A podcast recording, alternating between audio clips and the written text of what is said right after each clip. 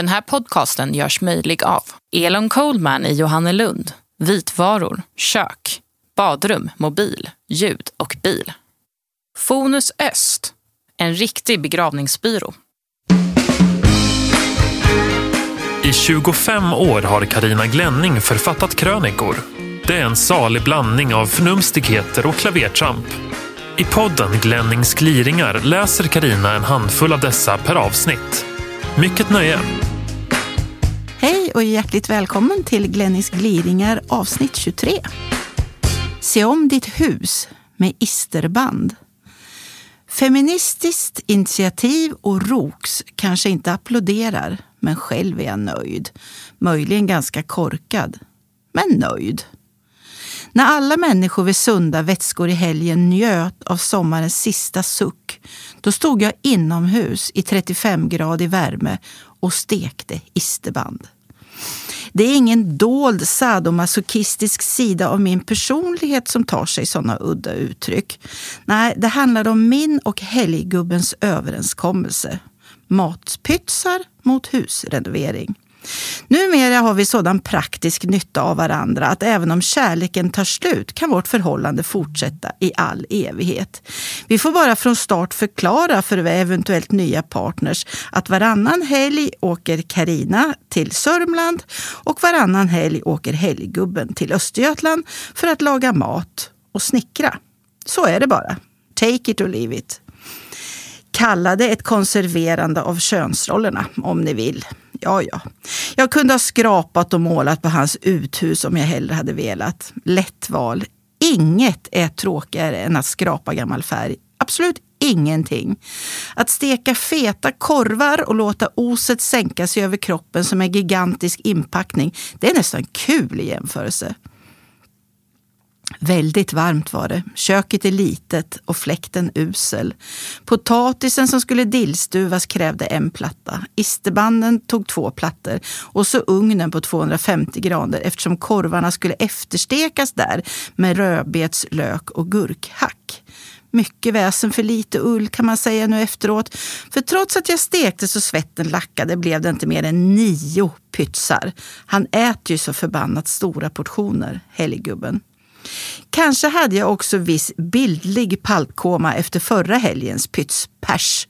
Då hade han önskat sig jobbpytsa med kalops, chili och lasagne. Nu ska han få san tiger, tänkte jag och mejlade en gigantisk inköpslista inför mitt besök. Sen barrikaderade jag köket i sex timmar. Få saker är så kul som storkok och att fylla frysar. Det måste vara något nedärvt det där, neandertalskt. Sådär ja, nu ska vi nog klara vintern. Typ. Efteråt bjöd jag in till pytsvernissage i helggubbens kök. Stolt slog jag ut med armen över köksbordet. Kolla bara! 45 portioner mat! Helggubben blev mycket nöjd. Själv såg jag framför mig hur jag skulle bli utled på chili con carne, lasagne och kalops om jag tvingades äta det nio veckor på raken. Därav ett feministiskt initiativ om att utöka frysens meny med isterband och dillstuvad potatis. Han har tjatat mycket om husmanskost den senaste tiden. Helggubben blev nu ännu nöjdare. Ha! Därmed har jag sett om mitt hus. För nu är det två helger hemma hos mig som gäller. Skröpliga vindskivor, flagnande förstukvist, läckande avlopp, mossa på taket, hål i sädesmagasinstaket. Lugn systrar, han ska nog hålla sysselsatt. Men unge, skaffa dig ett eget liv. Vem skulle stå ut med att bo med sina föräldrar hela livet? Eller för all del med sina barn. Jo då mamma, jag vill bo med dig hela livet. Jag ska aldrig flytta hemifrån, bedyrar min minsta. Lugnt övertygar jag honom om att han verkligen inte kommer att vilja bo kvar hemma hos mig när han blir vuxen och att det är precis så det ska vara. Katten Astor har aldrig haft något val och jag måste säga att jag lider med honom. Jag ser hur han biter ihop och hur hans tålamod frestas till det yttersta. I takt med åldern blir hans morsa Elsa bara jobbigare och jobbigare, grinigare och grinigare. Och nu är hon så gammal att man näppeligen kan skylla på vare sig PMS eller klimakteriet. Hon varken ser eller hör som i fornstora dagar, men tror sig ändå veta bäst inom en rad områden. Ta det här med hygienen. Redan under tonåren ansåg hon att Astor inte tvättade sig ordentligt. Trots att han nu uppnått medelåldern med råge bedöms han inte kunna sköta den personliga hygienen tillfredsställande nu heller. Han tvättar tills han själv är nöjd, men hon är det aldrig. När han kommer hem sent efter nattligt rummel är hon över honom som en hök. Skumögd och med hängbuken vajande stapplar hon resolut fram till honom, trycker ner honom på golvet och sätter igång sitt fejande. Med lidande blick och en beundransvärd självkontroll genomgår han en duvning motsvarande biltvättarnas dyraste värstingprogram. Irriterat och metodiskt låter hon sin sträva tunga föras från nosen upp över kinden och vidare genom hela örat. Så rejäl är tvagningen att den bulliga bondkattskallen snart får en siameskisses slimmade kinder och sneda ögon. Sen är det tassar och trampdyner. Därefter behöver det smånaggas i nacken en god stund. Hon gör ansatser även till rumptvätt, men där går definitivt hans gräns för moderlig omsorg. Hennes ålderskrämp är ett kapitel för sig. Ute i trädgården kan hon plötsligt börja upp sig och morra högljutt åt honom ända tills han befinner sig inom en tre meters radie och hon inser att det inte alls är grannens katt utan hennes egen son som aningslöst kommer spatserande. Eller också spelar hon bara. Hon kanske ser alldeles utmärkt och hon kanske fullständigt skiter i hans hygien. Hon kanske bara är oändligt trött på att ungjäkeln aldrig kan skaffa sig ett eget liv och bara dra. Och har man ingen veckopeng att dra in så får man hitta på något annat. Min kropp har dåligt minne. Jag hörde någon kvinna surt fräsa. Det verkar ta med fan som om man ska hålla på och banta mellan vaggan och graven. Jag kände systerskap direkt.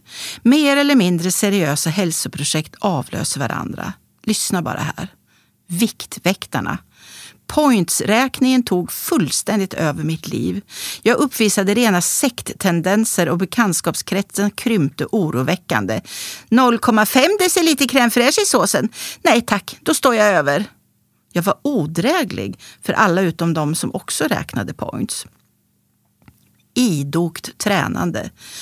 Gym, löpning, stavgång, morgonpromenader. Skönt när jag väl är igång, men det räcker med en veckas rejäl förkylning för att det ska kännas som ett Tour de France att komma igång igen.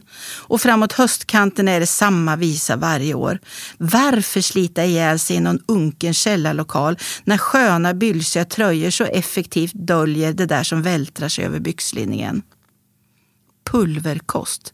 Ja, det kan funka som en igångsättare, men gud så tråkigt. Magen blir bubblig, man småfiser oavbrutet. Käkarna börjar att småidissla i brist på vettig sysselsättning och den eviga pulversmaken i munnen får en att känna sig eh, dammig.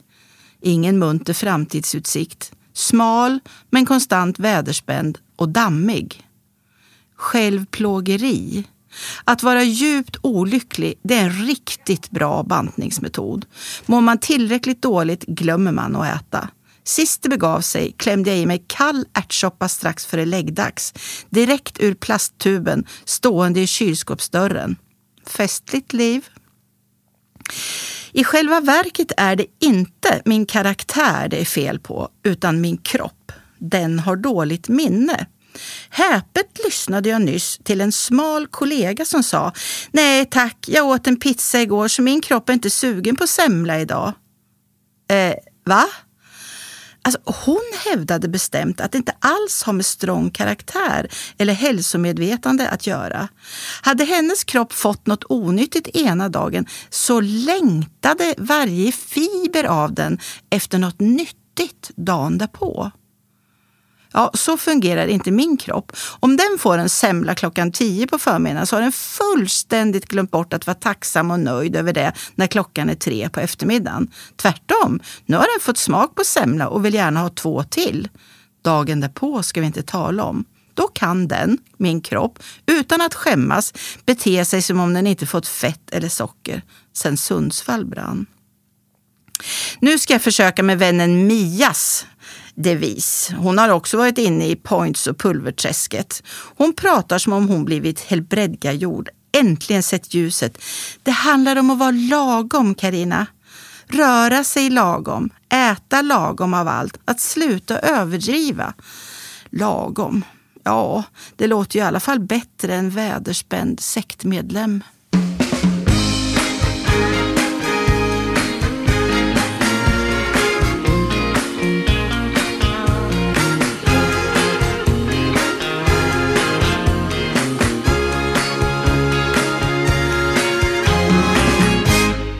Pengar för att bädda?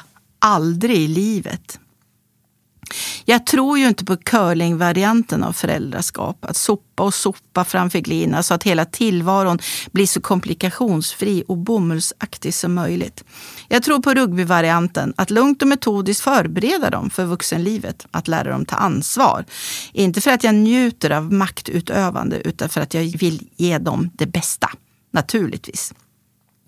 För om man inte ens i mellanstadiet kan hålla ordning på och packa sin egen gympapåse, när ska man då lära sig det? När man är 20 och ska flytta hemifrån? Och att lägga smutskläderna i tvättkorgen, när ska man lära sig det? När man är 15, 21, 54?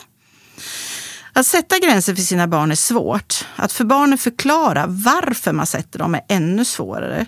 Det som ur en vuxens perspektiv handlar om långsiktig omtanke kan i ett barns värld framstå som snålhet eller missunnsamhet. Kalle får betalt för att bädda sin säng och städa sitt rum, varför får inte jag det? Därför att den dagen du flyttar hemifrån kommer du inte att få betalt för det. Det är varje frisk människas plikt att ta hand om sina egna prylar. Och förresten, jag får inte heller betalt. Kan inte jag få köpa godis fast det är onsdag? Nej. Dels för att det är dåligt för dina tänder, dels förlorar god, lördagsgodiset sin magi om man börjar käka snask när som helst. Olle behöver aldrig ställa in sin disk i diskmaskinen, varför måste jag det? därför att vi inte har någon betjänt i det här huset. Jag ska inte lägga min tand i ett glas med vatten utan under huvudkudden som några i min klass gör. Då får man en 50-lapp och en leksak av tandgubben istället för bara en guldtia. Gör det du gubben. Men den tandgubben jobbar inte i vårt område så det är lönlöst. Tanden kommer att försvinna bland lakanen och så går du miste om guldtian också. Alla föräldrar har emellanåt dåligt samvete för sina ungar. Ett lika enkelt som uselt sätt är att köpa sig fri. Jag ägnar mig verkligen inte åt dig så mycket som jag borde. Stackars dig som har skilda föräldrar. Klart du ska få det där dataspelet du så gärna vill ha. Eller ett par julklappar till kan väl inte skada. Allting trissas upp dyrare grejer, fler julklappar, ännu mer spektakulära klasskalas, full uppsättning av prylar hos bägge föräldrarna. I sin mest absurda förlängning får barnet i princip allt de pekar på. Snacka om björntjänst. Det är att längta, spara, drömma och kanske en dag nå fram som är det fina i livets kråksång. Är jag rena fyrermorsan? Nej, att ställa krav är inte det detsamma som pedanteri eller att neka dem att vara barn och spralla loss. Är vi lediga dagen på får de gärna till marschallers sken ha vattenkrig i trädgården mitt i natten och dra in gräs i hela kåken. Det finns dammsugare. Vinglig färd mot perfektionism. Helggubben. Var är bruksanvisningen till torktumlaren? Karina. Va? Jag har inte en aning. Jag vet inte ens om jag har den kvar. Helggubben. Men alltså, slänger du bruksanvisningar? Karina. Nej, inte slänger kanske, men jag vet bara inte var jag lägger dem. Helggubben. Var ligger garantisedeln till mikron? Karina. Inte en susning. Helggubben. Har du en kabelskotång? I så fall ligger den i Snickerbo, i skrubben eller i skräpskåpet i hallen. Karina, men sluta, driver du med mig eller? Hur ska jag kunna veta det? Helggubben, herregud, därför att du bor här förstås. Så där lät det för något år sedan, men inte längre. Starkt påverkad av helggubben själv och kompisen Maria håller jag på att bli en bättre människa. Det är inte en dag för tidigt. Om man lägger ihop all tid jag ägnat åt att leta efter saker i mitt liv så motsvarar den cykelsemester till Petropavlovsk Kamachatski och tillbaka. Nu senast var det barnens skolfoton som skulle portioneras ut till mormor, morfar och farmor i julklapp.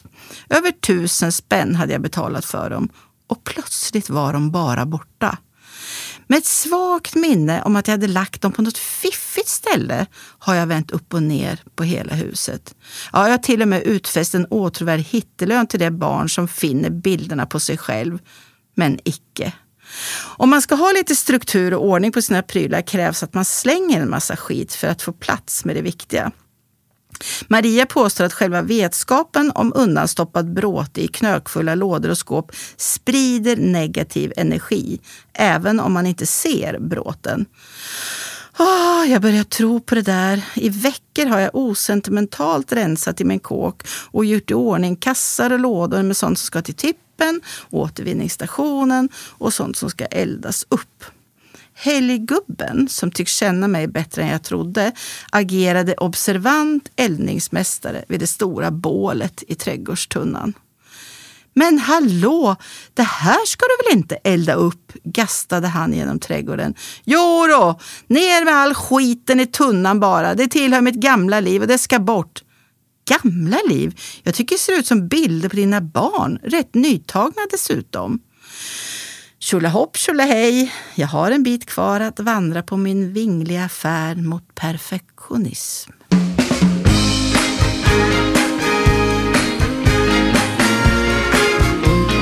Du har lyssnat på Glennings gliringar. Ansvarig utgivare, Christer Kustvik.